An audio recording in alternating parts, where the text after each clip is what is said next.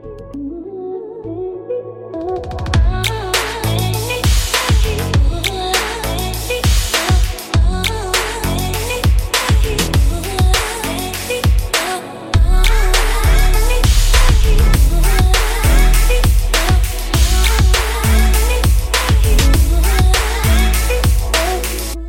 i fred.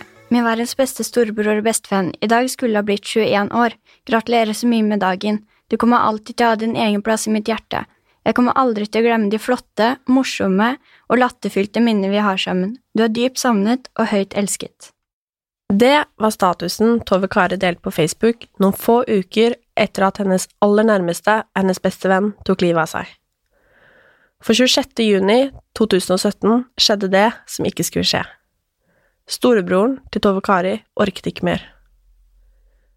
Beregninger viser at Norge behandler eh, mellom 4000 og 6000 selvmordsforsøk årlig.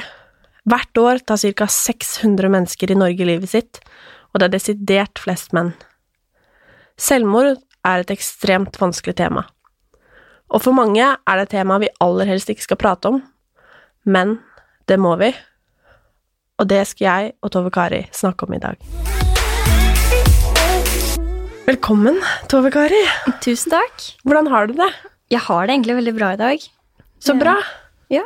Vi skal jo snakke om eh, et eh, veldig, veldig vanskelig tema, Ja. og et veldig tabubelagt tema. ja, så det er veldig viktig å få det fram, syns jeg, å prate om det.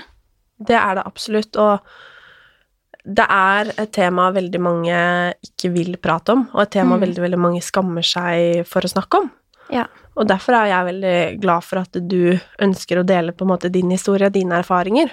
Fordi det er dessverre altfor, altfor mange som kan kjenne seg igjen i din historie, og som har følt på de samme følelsene og samme tankene som det du og dine har gjort, da. Dessverre så er det det. Mm. For hvor gammel er du? Nå er jeg 20 år. Og hvor gammel var du da broren din tok livet av seg? Da var jeg 17. Mm. Du var ganske ung. Ja. Mm. Hvordan har de siste årene vært? Det blir jo at eh, når noe sånt skjer, så blir jo livet bare snudd på huet, rett og slett. Du, du veit liksom ikke helt hvor du skal gjøre av deg. Man må jo på en måte finne sin plass på nytt, da. Um, men i alt i alt så har det vært ganske bra. Det har det jo. Hvordan forhold hadde du til broren din? For jeg vet at eh, det var vel tre år mellom broren din og deg. Ja. Og det er det mellom meg og broren min også. Eh, og broren min er en av mine bestevenner. Jeg vet at jeg alltid kan ringe han, og selv om jeg syns han er dødsirriterende ganske ofte, så er han eh, Han er en sånn klippe i livet mitt, liksom. Og mm. jeg tror kanskje det er derfor det river litt ekstra i hjertet mitt i dag. Fordi at eh, jeg kan kjenne meg igjen i den relasjonen dere hadde da. Ja. Og jeg er sjokkforkjøla i dag. Herregud. Så beklager det. Det må jeg bare si. Men få høre. Relasjonen deres. Det var eh, når jeg gikk på ungdomsskolen, og han skulle ta førerkortet. Før det så var vi jo alltid uvenner. Vi krangla om alt. Det var liksom Bare vi så en stein, så kunne vi krangle. Men Og så fikk han jo førerkortet, og så dro han hjem. Og så sa han til mamma at jeg kunne gjerne tenkt meg å ha tatt en tur til Sverige, sier han. Og da sier jo mamma men det kan du gjerne gjøre, bare ta bilen og nøkla, du veit jo hvor dem er. Og så sier han, men hvem er det jeg skal spørre, da? Hvem er det jeg kan ta med? Og da sier mamma, men kan du ikke høre med Tove Kari, da? Spør når hun er ferdig på skolen, spør om hun vil være med. Og da sier han, ja, men er det ikke litt teit å ha med lillesøstera si dit, liksom? Men da bestemte han seg for å spørre, og han ringte meg flere ganger midt i timen, og jeg fikk jo ikke svart.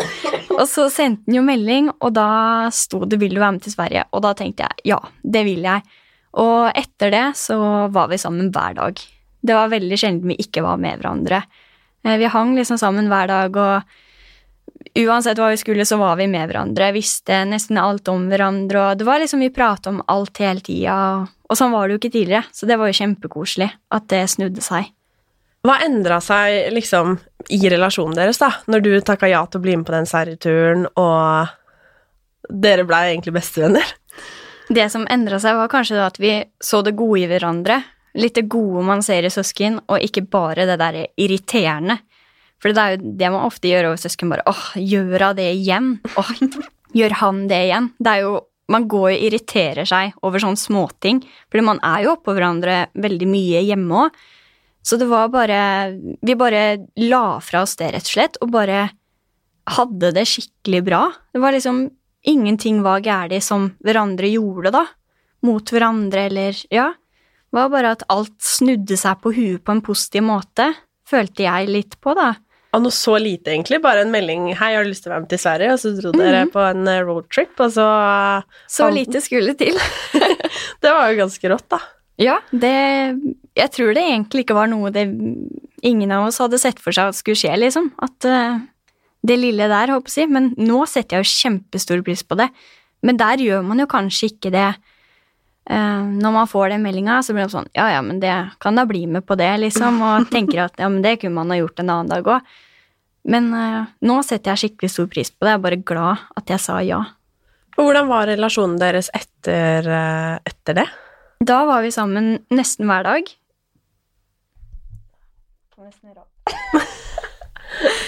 og så var vi liksom Ja, vi var sammen nesten hver dag, og vi bare hadde skikkelig bra sammen, var på kjøretur sammen, bare lo masse. Og så Det er jo ikke ofte man møter noen med akkurat samme humor, men vi bare klaffa skikkelig der. Det var litt som å møte en ny bestevenn, på en måte, men samtidig så var vi søsken. Så det var eh, Nei, hva skal man si? Bare det var skikkelig bra, på en måte, å bare kunne ha det gøy sammen uten å bli dømma, da. Det var liksom ikke noe dømming eller noen ting. Mhm. Men hvordan hadde broren din det? Meg så, og oss andre rundt så ga han jo alltid inntrykk at han hadde det veldig bra. Han smilte jo og lo hele tida. Han lo til han begynte å gråte. Det var nesten sånn hver dag. Um, men det var liksom det at jeg tror han var ganske flink til å skjule det, at han ikke hadde det bra. Fordi jeg veit jo mye som har skjedd, og jeg sjøl hadde jo slitt veldig hvis det var meg, og hvem som helst hadde gjort det. Og det er jo at den greide å ha det så bra med tanke på alt som har skjedd, det er jo helt Jeg er skikkelig imponert at det går an. Og hva var det som hadde skjedd? Det begynte jo med på ungdomsskolen at det var blindvoll bakifra, um, og da mista han sidesynet, som da hadde jo mye å si når han skulle ta førerkortet, men heldigvis så, så fikk han førerkort, og det er han jo kjempetakknemlig for. Og så ble han jo utsatt for mobbing, da, på skole og utenfor og sånn, og så begynte han på videregående, ny start. Og da virka det ut som han hadde det veldig bra og trivdes veldig godt. Det var det han ga inntrykk for, og sånn i kontra hvordan han var når han var på ungdomsskolen. Og så ble han venn med de gamle vennene sine fra barneskolen, og da begynte mye. Da var det først et overgrep, og så eh, ble han utsatt for mye trusler og mye hate da, på nettet på meldinger, telefon og alt. Eh, og så ble han utsatt for et overgrep til, og det var et kveleovergrep. Og da når han kom hjem da, så trodde jeg nesten at det ikke var igjen noe. Han var liksom helt Ja, hva skal man si?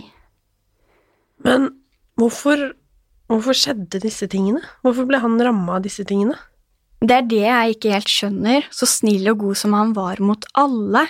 Han var skikkelig godhjerta, og spurte noen om hjelp, så sa han ja. Men så var, liksom, så var det han det gikk utover, på en måte. Men det er jo som jeg har blitt fortalt, da, som han alltid sa sjøl òg, det er alltid de som er snille, som blir utsatt for noe. Det er alltid de som må gå gjennom noe. Men når man er drittsekk, så går det greit, liksom. Da er du kul og passer inn og Han sa ofte det, da, så jeg tror det muntra han opp veldig. Tror jeg. Men han snakka aldri om, på en måte, for han eh, ble jo utsatt for mye mobbing Ja. og eh, trakassering Mm. og hat og, som du nevnte, også overgrep. Mm. Snakka han noen gang om de følelsene han følte på? Kun på det siste overgrepet. Da var han utrolig Jeg veit ikke om sint er det rette ordet. Det var liksom Når han kom hjem, da, så hadde han måtte gå og holde seg på halsen, for ellers fikk han ikke puste, og det var liksom helt sånn, så jeg gikk jo inn til han hele tida, gikk og pleia han opp og si, og liksom passe på at han hadde det bra, da. Eh, og da var han veldig opptatt av at eh, nå var det nok. Nå skulle han slå tilbake, liksom. Nå hadde han fått nok. Men han Mm. gjorde jo aldri det, for han er jo så snill. Eller var snill. Nå har jo jeg nettopp egentlig truffet deg, mm. og Eller vi har jo kommunisert en del. Ja. Og med det på en måte lille vi har prata sammen, så har jeg også lagt merke til at du eh, snakker som han, om at han fortsatt er. Ja. Sier liksom han er så snill og, i stedet for var. Mm. Syns du det er vanskelig? Det er litt vanskelig, men jeg tror det kommer veldig at jeg sjøl ikke har innsett det, rett og slett. Mm.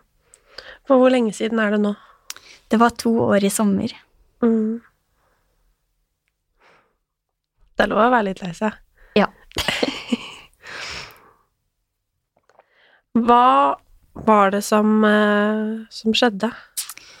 Han Jeg kan si det rett ut, liksom. Det, mm. Han skøyt seg, om jeg kan være så ærlig å si det. Um, og vi tenkte jo at nei, det har skjedd med et uhell. Det har sittet skudd i børsa fordi når han pusser og sånn. Men han var veldig forsiktig med våpen. Han hadde aldri magasinet i eller noen ting, og når han pussa, så var det liksom Han hadde kun børsa, ikke noe ammunisjon rundt. Og han hadde pussematter og pusseutstyr, og det var skikkelig nøye på det. Når han gikk på jakt, så hadde han aldri ammunisjon før han så dyret. Så han var skikkelig nøye, så vi tenkte jo veldig det at det var et sånn, hva kalles det, vådeskudd, tror jeg det heter. Mm -hmm. Så vi har tenkt mye det at det var det, men man har jo sett at eh, når vi var der, så var det ikke noe pusseutstyr. Det var ingenting der som kunne tyde på at det var det. Så det er veldig, veldig overbevisende at det var for å avslutte, da. Hadde du merka noe da i forkant? Det som er, er at jeg syns vi hadde veldig bra den helga, da, for det skjedde jo på en mandag. Og på fredagen så var jeg hos ei venninne, eh, og da krangla vi litt på telefon. Fordi jeg skulle jo få ny seng, da, på lørdagen. Eh, og da mente Eller da var det ikke sikkert at den senga kunne hentes eller leveres, og ikke hadde kanskje kommet på lager. Og da ble jeg sånn men hvor skal jeg sove? Jeg var jo veldig frustrert over det. Og da hadde han en luftmadrass, men den hadde jo noen stått og tissa på, så den ville jo ikke jeg sove på. Så vi sto og diskuterte det, da, og var, jeg var jo kjempesur, og han skjønte ikke hvorfor jeg ikke ville sove der, da. For vi var jo ikke så Vi er ikke så uhøytidelige, eller høytidelige, da. Eh, og da krangla vi litt, da. Men så grilla vi, da, på Ja, var det på søndagen, tror jeg, så grilla vi og hadde kjempekoselig. Eh, og så skulle vi egentlig ha noen sånne kyllingburgere, og vi hadde bare igjen to. Og vi måtte jo helt til Sverige for å kjøpe det, og det var jo sånn Nei, de skal vi ikke grille, de vil jeg ha seinere. Men det angrer jeg jo på nå. Hvorfor kunne jeg ikke bare grille de, da? Så kunne han fått en. Eller to. det er sånne småting. Og så hadde vi det veldig fint på søndagen, og mm, bare grilla, koste oss. Han drev og monterte et sånn kjempestort eh, radiostyrt fly. Utrolig stort. Og da drev han jo og monterte det, og så mangla det noen deler til det. Eh, for den ene delen hadde blitt ødelagt, og den andre hadde ikke kommet med i posten. Eh, og da sa jeg, men kan vi ikke dra på tirsdag? For da har jeg fri, og For det var jo sommerferie, da. Endelig siste ferie før arbeidslivet kommer, og jeg skulle bare nyte den. Så avtalte vi det å dra på tirsdag og kjøpe delene. Skulle inn til Lillestrøm og ordne det. Um, fordi på mandag skulle jeg på jobb. Og da hadde vi lagt den avtalen, men det var liksom ikke sånn han pleide å bekrefte, har jeg tenkt på etterpå. Det var ikke sånn ja, det gjør vi, vi gjør det. Men det var liksom sånn ja, vi kan jo kanskje gjøre det. Men så tenker jeg etterpå at det var kanskje ikke et tegn. Det var kanskje at han var usikker på hva han skulle den dagen òg, har jeg tenkt på. Kanskje han hadde tenkt seg en annen tur, eller bare være hjemme. For han var veldig glad i det òg, bare være hjemme og se på film og slappe av, rett og slett. Så du var på jobb når, eh, når det skjedde? Ja. Jeg sto jo opp eh, den mandagen, da, og så drev han og styrte med sitt og drev inn på rommet og hørte på musikk som han alltid pleide på høy lyd, og bassen dunka i hele huset, liksom, og bare koste seg. Og så hadde jeg fiksa meg til jobb, og så går jeg inn til han og spør om han kan kjøre meg til kjæresten min etter jobb. Eh, og da sier han kanskje det. Og da tenkte jeg ok, kanskje, men da tar jeg det som et ja, tenkte jeg. Og så drar jeg på jobb. Og jeg sykler jo, for det var jo ikke så langt unna. Da jobber jeg på en bensinstasjon. Eh, og så var jeg på jobb, og alt føltes helt normalt, og så ringer jobbtelefonen. Og da er det kollegaen min som tar den, og sier at det er mammaen din, hun skal prate med deg. Og da sier mamma bare rett ut hva som har skjedd. Broren din er død. Og er kjemper fra seg. Hun veit ikke hvor hun skal gjøre fra seg. Så får jeg bare beskjed at jeg blir henta nå, og så legger vi på. Og da blir jeg sånn, hva gjør jeg nå? Er dette sant? Eh, så jeg går jo bak på bakrommet, henter telefonen min, går ut, for jeg skulle egentlig til kjæresten min da. Og så ringer jeg han, han sitter på toget på vei hjem fra jobb, og så sier jeg bare hei, eh, brutter'n er død. Og så sier jeg nå må jeg gå, og så legger jeg på. Og da blir jeg sånn, det tenker jeg mye etterpå, tenk på han da, som får den telefonen.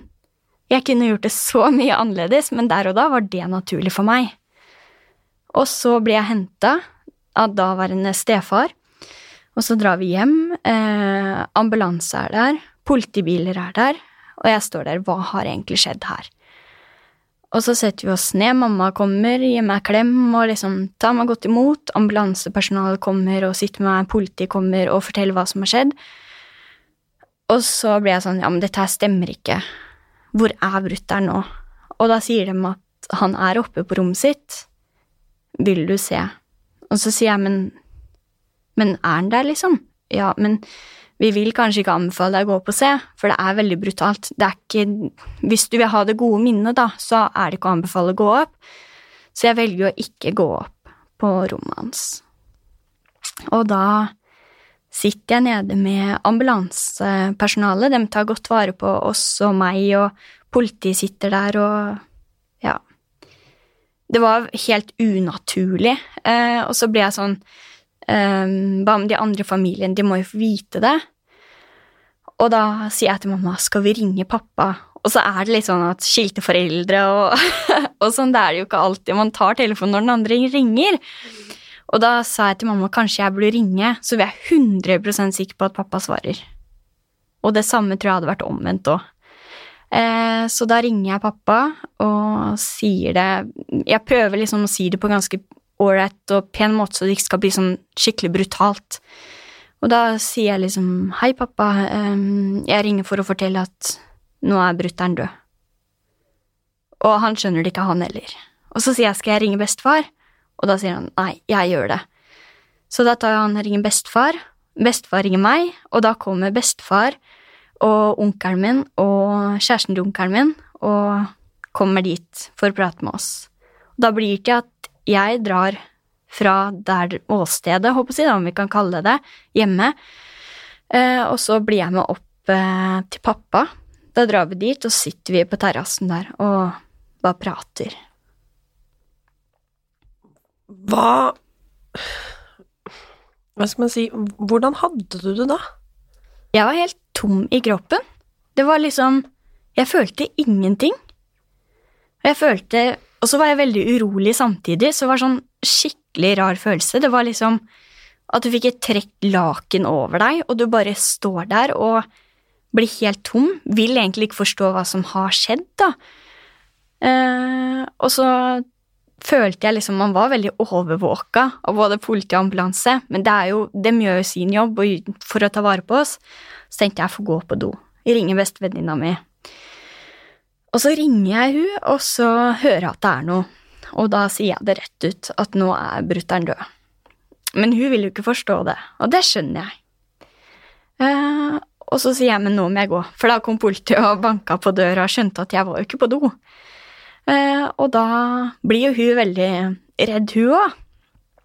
Eh, og så går jeg ut, da, og da blir jeg med en politimann og bare prater. Og det det var liksom ikke sånn avhør heller. Ville bare vite Og det er jo jobben deres, det å få vite hva som har skjedd, og om det kunne ha vært noen der, for det også var jo eh, tanker om det hadde vært noen der, for mamma og stefaren min hadde jo dratt på butikken og vært borte en halvtime, og da hadde de jo prata med han, og når de kom tilbake, så lukta det litt sånn eh, krutt, for det lukter det jo etter man har eh, avfyrt et skudd, og da blir det en sånn herregud, hva har skjedd her? De tenker jo kanskje det har vært noe elektrisk som har begynt å brenne, men da går mamma opp rommet, og da sitter han der død.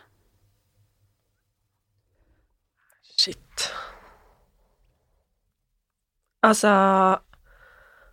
Så forferdelig. Ja. Det er ikke noe jeg vil at andre skal oppleve, egentlig, men dessverre så skjer det.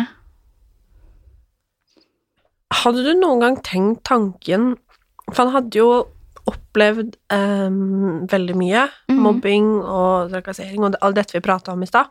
Hadde du noen gang tenkt tanken om at han ikke på en måte kom til å orke det? Egentlig ikke, så hadde jeg ikke tenkt den tanken, fordi når han var med meg, så hadde han jo det kjempebra. Så jeg tenkte jo, men da har han det bra. Da har jeg gjort så godt jeg kan for at han skal ha det bra.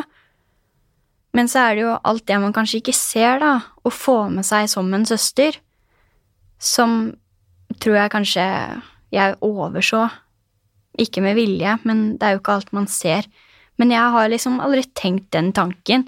Det har vært litt sånn hvis man har lest artikler eller hørt om at andre har mista noen i selvmord eller mista søsken, så kan man jo tenke seg Man vil jo gjerne prøve å tenke hvordan andre har det da, som etterlatte.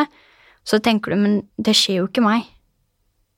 Og så sitter man der etterpå i det. Har du noen gang klandra deg selv for at det skjedde? Det har jeg. Det har jeg gjort mye. Men da har jeg prata, jeg har jo vært i sorggruppe, og da prata jeg mye om det, og de sa at du har gjort det du kan. Det er ikke du som har gjort noe vondt, og du må leve med at ting har skjedd, men du har gjort så godt du kan, du har vært den snille søstera som han trengte.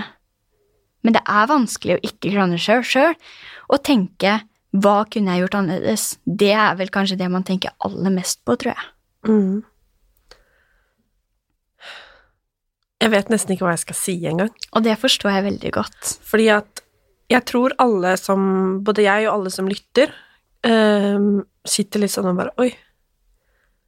Um, fordi kanskje noen av de som lytter, har opplevd det, Mm. eller kjenner noen som har opplevd det, eller er tenker at det skjer aldri meg.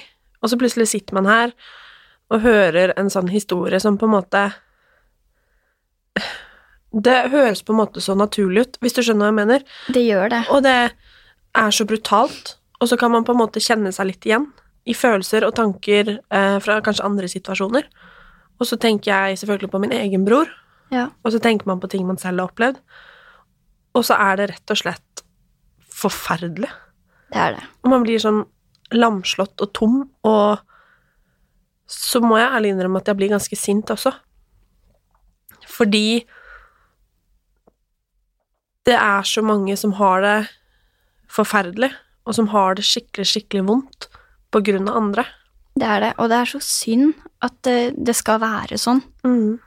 Det gjør meg Åh, nei, det gjør meg rett og slett skikkelig forbanna. Og det er så lett å tenke på at Altså være etterpåklok, da.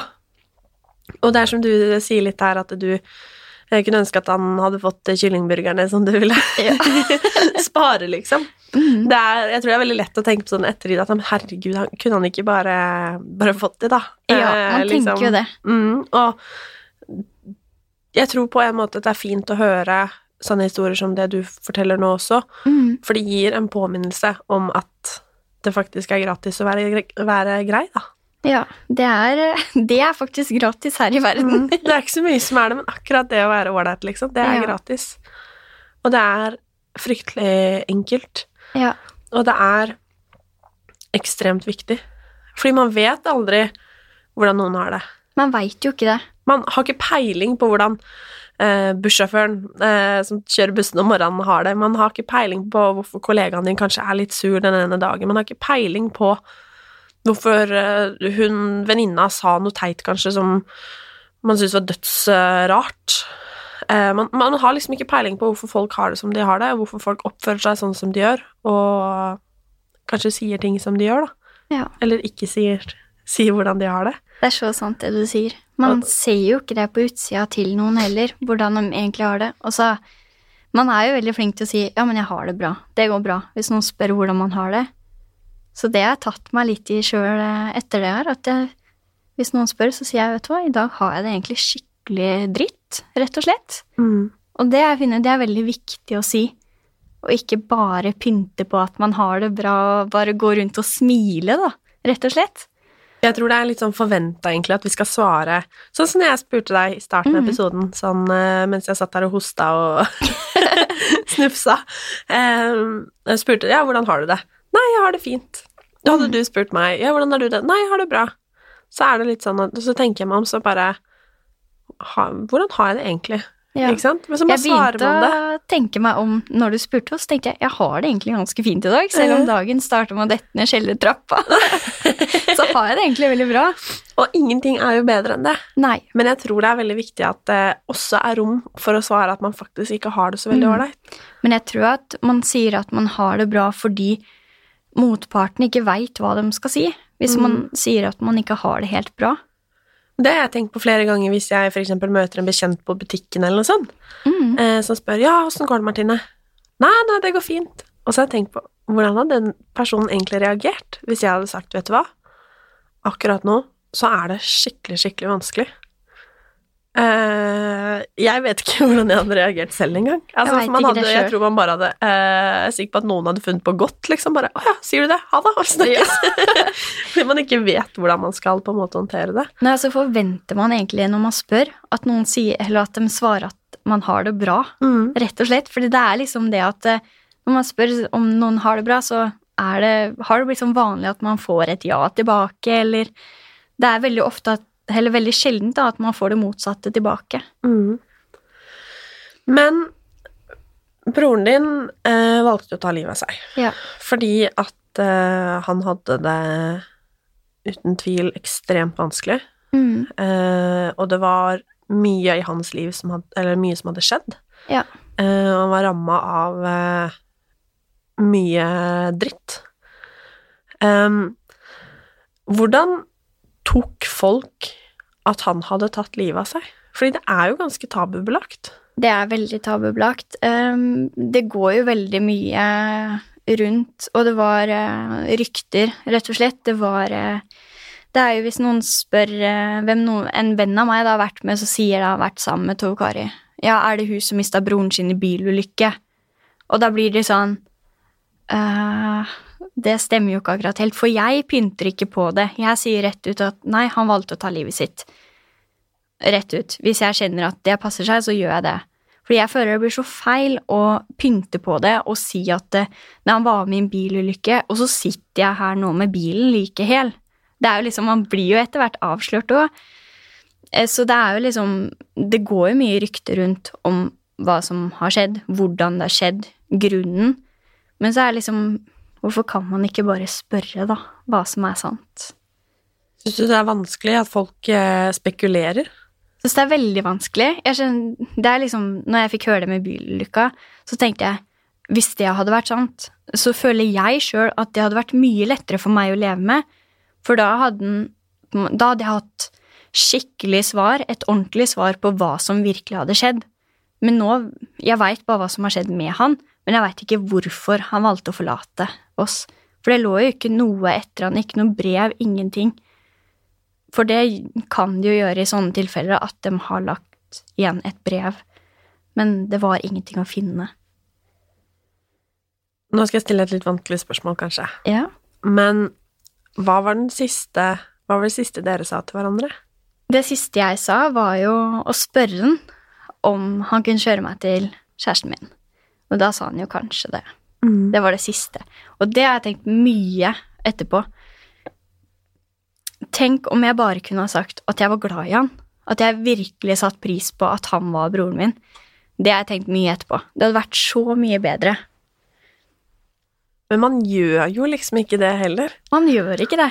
Og det Det er- ikke ofte man sier det til søsken heller, at man er skikkelig glad i dem. At man setter stor pris på dem. Mm. For det er liksom sånn, man skal jo være litt sånn kul overfor eh, søsknene sine og sånn. Ja, nei, jeg har en sånn regel med eksempel kjæresten min, da. At vi aldri skal gå ut døra og være sint på hverandre. Nei. Fordi man aldri vet hva som eh, kan skje. Og det er en skikkelig god regel. Mm. Den burde dere ha. Ja. Kanskje jeg også må ha det. ja. Jo, men det er litt uh, Jeg, for å si det sånn, det er han som da må minne meg på den, fordi jeg er sånn som stormer ut døra hvis jeg er forbanna. men jeg tror det er veldig, veldig viktig, da. Ja. Mm. Men du nevnte at du har vært i eh, sorggruppe. Det stemmer. Hvordan har det vært? Hvor viktig har det vært for deg? Det har vært egentlig veldig viktig å møte mm, andre som har mista søsken eller mista andre familiemedlemmer, som de på en måte satt veldig stor pris på. Og det å kunne sitte der og møte dem og ikke føle seg aleine, for når man er i den sorgen, så begynner man å tulle med så mye rart. Man blir så glemsk. Jeg glemmer ting hele tida. Og går og er sånn tung i huet og glemmer Ja, som jeg sa, blir ganske glemsk, da. Og jeg tenkte bare herregud, nå begynner jeg å bli gæren. Jeg begynte jo å bli skikkelig redd for meg sjøl.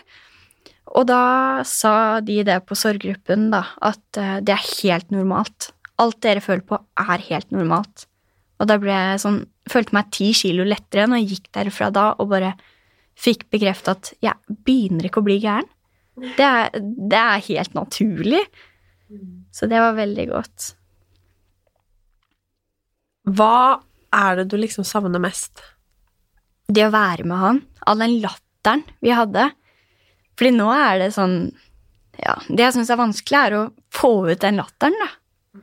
Og bare være seg sjøl 110% Og bare være den teite Tove Kari som bare ler og bare tuller rundt. Det er ganske vanskelig, egentlig. Mm. ja. Men så må man jo på en måte prøve å finne seg sjøl igjen, da. Altså, man er jo kanskje ikke den sprudlende og glade lenger, men det er det å finne den når det passer seg, da. Men det er vanskelig når du egentlig føler for å bare være hjemme, men så skal du egentlig ut og være sosial med familiemedlemmer og sånn. Det syns jeg er vanskelig. Mm. Har du Hva skal man si Har du noen gang tenkt på Jeg vet nesten ikke hvordan jeg skal stille spørsmålet engang, men har du noen gang tenkt på om hva som på en måte kunne blitt gjort annerledes, da? Ja. For én ting er på en måte det at du har tenkt at eh, du har på en måte klandra deg selv, Mm. men har du tenkt på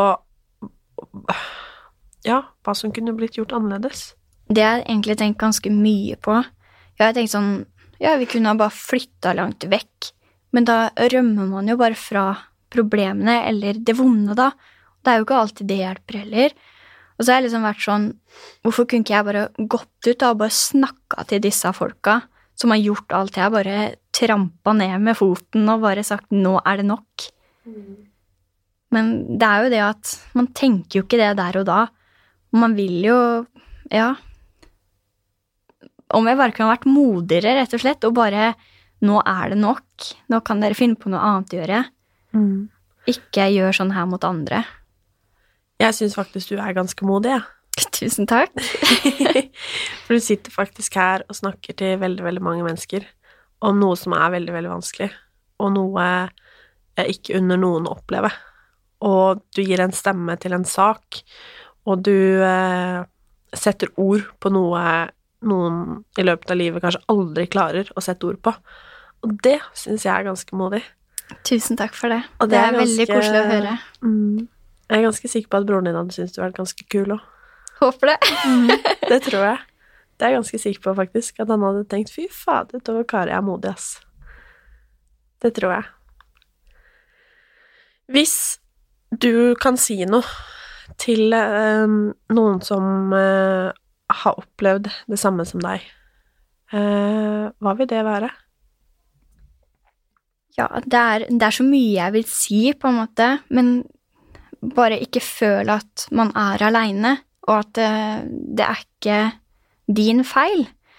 Eh, Det var som en kollega sa til meg, at eh, ku- eller dere kunne ha forhindra det der og da, men det kunne ha skjedd en måned etterpå, en uke etterpå, dagen etter. For det er ofte sånn hvis de har bestemt seg, så gjør de det. Men jeg tror det som er viktig, er at man kanskje kan oppsøke hjelp. Eh, For det syns jeg var veldig vanskelig. Jeg fikk ikke noe tilbud der jeg satt, forlatt liksom av broren min og sånn, og da eh, oppsøkte jeg at kommunen der jeg bor, da, eh, ville starte en sorggruppe, og da meldte jeg meg på det. Men det starta jeg ikke opp, for det var for få. Så da ble jeg kontakta av ei dame i kommunen og gikk inn på samtale med hun, og da ble jeg henvist til Ahus på sorggruppe. Så det jeg vil anbefale og egentlig si, er at ikke nøl med å oppsøke hjelp. Du får det så mye bedre.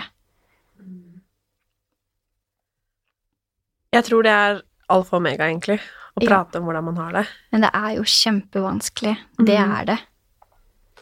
Hvordan kan man være en god venn til noen som har opplevd det du har opplevd? Jeg tror det egentlig bare er å være der for personen. Ikke sende det derre bare Det er bare å ringe meg hvis det er noe. Si ifra hvis du har det bra. Ikke gjør det, men bare dra på døra, eller ring. Vær den som ringer, for ellers så tar man jo ikke kontakt, for man vil jo ikke være den som ringer og er lei seg. Og bare det å vise forståelse, og bare vise at du er interessert i å høre om personen, og bare finne på noe koselig. Bare være en skikkelig god venn med at man byr på seg sjøl, i stedet for at man skal vente på at den som er ramma eller såra, skal by på seg. Det syns jeg er veldig viktig. Det var et veldig, veldig fint råd. Og det har jeg tenkt på flere ganger, jeg også, det med um, å spørre, da. Eh, eller si liksom eh, Ja, bare ring hvis det er noe, liksom. Ja. Det er litt lett å si det. Jeg vet i hvert fall at hvis det er noe, eh, så er det ganske tungvint å ta opp den telefonen og si hei, du, nå trenger jeg hjelp, liksom. Ja. Jeg tror det sitter langt inne hos veldig, veldig mange. Det gjør det. Det er veldig vanskelig. Jeg tror jeg har gjort det én eller to ganger. Og da Det satt veldig langt inne. Men nå tenkte jeg bare nå må jeg. Så, men eh, det er veldig viktig å heller være den vennen som ringer, eller møter opp på døra. Mm. Bare nå skal vi ut en tur, eller nå skal vi gjøre noe hyggelig sammen. Mm. Har du skamma deg for at broren din valgte å ta livet av seg? Jeg har skamma meg egentlig ganske mye for det. Eh, Jeg følte at det på en måte kanskje har dømt meg litt òg. At jeg har blitt lillesøstera til han som tok livet sitt, har jeg følt mye på. Men så blir jeg sånn Jeg ser jo ikke hva andre tenker, eller hører, da, hva andre tenker om meg. Jeg ser jo ikke det, men det er jo det man tenker da når man bor i en liten bygd og alle kjenner alle. Hvis du skulle sagt noe til broren din, hva hadde det vært? Jeg ville ha sagt først og fremst at jeg er utrolig glad i han, eh, og at han er den modigste og tøffeste personen jeg noen gang har møtt, og den største støttespilleren. Men man, det er jo så mye man vil si. Det er det jo. Man vil jo bare få han tilbake. Mm. Tusen takk for at du er så modig som det du er, Takk. og for at du eh, har ville komme og snakke med en superforkjøla Martine om eh, noe så viktig. Det har vært veldig koselig å være her, og veldig koselig å få formidle eh, til andre. Det er veldig, veldig viktig, og jeg tror kanskje vårt felles eh, råd i dag er at eh, for det første så skal man eh, Er det viktig å prate sammen. Ja. Eh, minne hverandre på at man er glad i hverandre. Og at det er ikke Det er faktisk ganske kult å tørre å be om hjelp. Det er Fordi det. det kan redde, redde liv. Og så er det sånn at om man eh, trenger noen å snakke med, så kan man ringe enten til Kirkens SOS på 22 40 00 40, eller til Røde Kors på 800 333 21, eller til Mental Helse 11 61 23. Og alle disse numrene finner man også på nettet. Så om man trenger noen å snakke med, enten fordi at man har noen kjipe tanker, eller noe har skjedd, eller ja, man rett og slett bare trenger noen å prate med, så er det bare å ta opp telefonen og ringe, for der møter man noen som både ser og hører deg. Og Tove Kari har i hvert fall lært det at eh, det er viktig å prate om ting. Det er veldig viktig. Igjen, tusen, tusen takk for at du ville komme og prate med meg om Bare hyggelig. Takk for meg.